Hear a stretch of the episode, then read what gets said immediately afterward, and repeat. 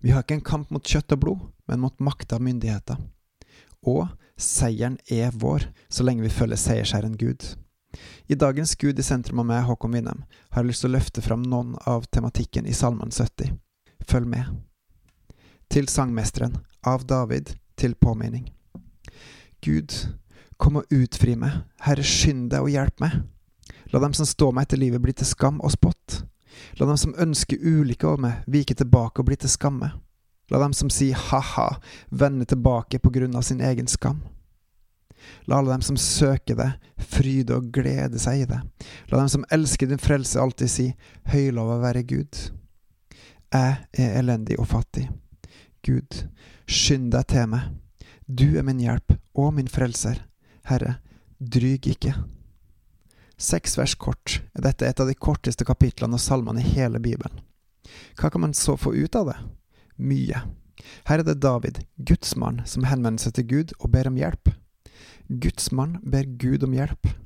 Sier ikke dette også at absolutt alle, til og med de største, vil slite i løpet av livet? Videre sier salmen også at det er naturlig med motstand, at det vil være folk som står deg etter livet dersom du følger Gud. Så sier vel også hele Nytestamentet. Og det rare, det annerledes her, er at David ber Gud om å ta dem, og det er greit. Vi snakker ikke her om vanlige folk som ikke tror, men om de som går etter kristne troende for å ta dem på grunn av trua. Hvordan vet vi det?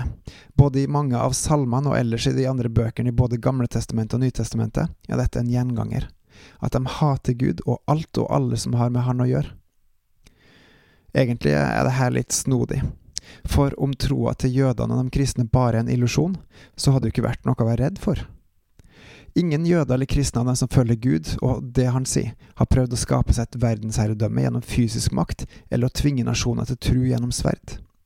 Kun de som ekskluderer Gud fra historien, fra verden, kan forenkle sannheten sånn og gjøre den barnlig enkel. Dessverre er det mange kristne som har gått fram og går fram og vil gå fram på feil måte. Og så er det også mange som kaller seg kristne, men som ikke er det, fordi de ikke følger Gud. Dessverre tror alle andre at de er kristne. Et annet poeng er at Gud straffer ugudelighet og ulydighet. Gjennom måten vi lever, både truende og ikke-truende, viser vi hva slags tro vi har. Å frykte Herren er begynnelsen på visdom, og å frykte Herren er å hate det onde, sier han. Merk, Gud sier oss hva som er ondt, ikke vi. Derfor, vi også som David, kan be Gud om å redde oss fra trengsler og forfølgelser. Vi veit ikke utfallet av livene våre her på jorda, men vi har det evige livet når vi følger Han.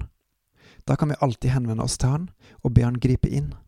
Ikke for at vi skal få det godt her på jorda, men for at Guds rettferdighet skal skje. De onde skal få som de fortjener, enten her på jorda eller senest i fortapelsen. Vi som tror skal bli vaska reine i Jesu blod, bare av nåde. Denne nåden er større enn vi forstår, og i denne nåden er det fryd og glede, i denne nåden er det dans og sang, i denne nåden kan vi evig love Gud og lære å kjenne Han. Og husk hvem som skal ha all æren. Jeg er elendig og fattig, Gud skynd deg til meg. Du er min hjelp og min frelser. Herre, dryg ikke. På gjenhør.